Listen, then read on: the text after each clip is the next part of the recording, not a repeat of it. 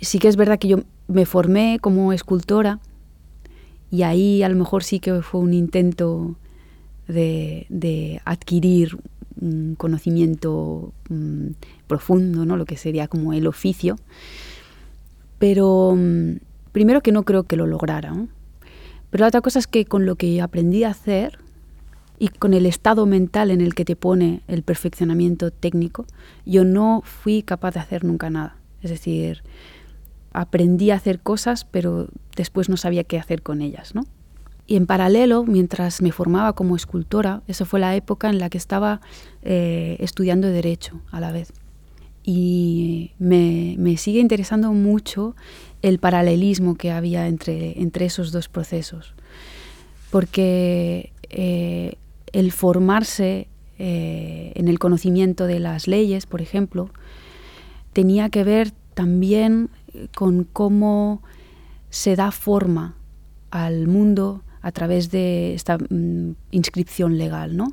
Es decir, como un acto que para el que no sabe es un acto sin importancia, para el que conoce la ley es un contrato, ¿no? Un gesto puede ser un contrato, por ejemplo. Y mm, yo creo que, por un lado, la escultura de una forma matérica, ¿no? muy contundente, física, concreta. Por el otro lado, eh, el derecho, el estudio de la ley como la vertiente abstracta de los mismos procesos, ¿no? Me pusieron como en el mismo lugar, ¿no? Vale, ¿y ahora qué? Una vez has adquirido más o menos un conocimiento de esto, y insisto que tuvo que ser superficial porque estaba combinando las dos cosas y realmente llegué donde llegué, el momento en el que esto se convirtió en productivo fue el momento en el que me tomé un poco de distancia respecto de esto, de esta pericia, y empecé a, utilizarlo de, forma más ignorante ¿no? y más, más libre, supongo, aplicándolo quizás de forma un poco más desacomplejada y viendo un poco más eh, qué es lo que quería hacer con lo que había aprendido.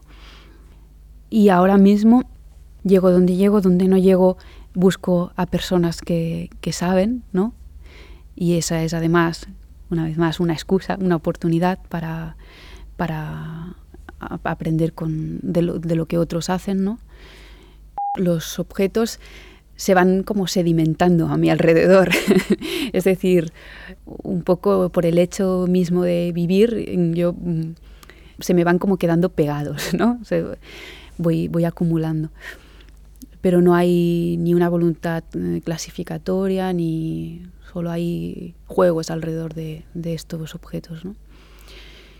Y al mismo tiempo, esta relación con los objetos es, muy completa, porque también hay, hay, reproches que hacerles a los, a los objetos, ¿no? por ejemplo, lo pesados que son, ¿no? el hecho de que el objeto siempre te, te recuerda, te, te vuelve a conducir hacia un lugar, ¿no? Te vuelve a, colocar en una situación, ¿no?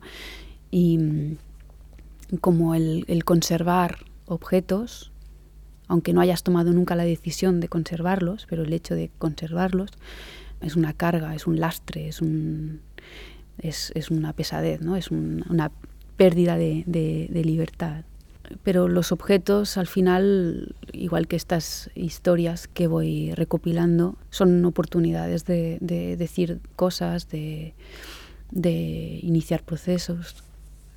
A mí me gusta mucho, mm, a raíz de, lecturas como Stigler, por ejemplo, en la técnica del tiempo, ¿no? cuando él, bueno, que esto es una idea que, es, es, conocida, ¿no? como el martillo contiene el, gesto de, de percutir, ¿no?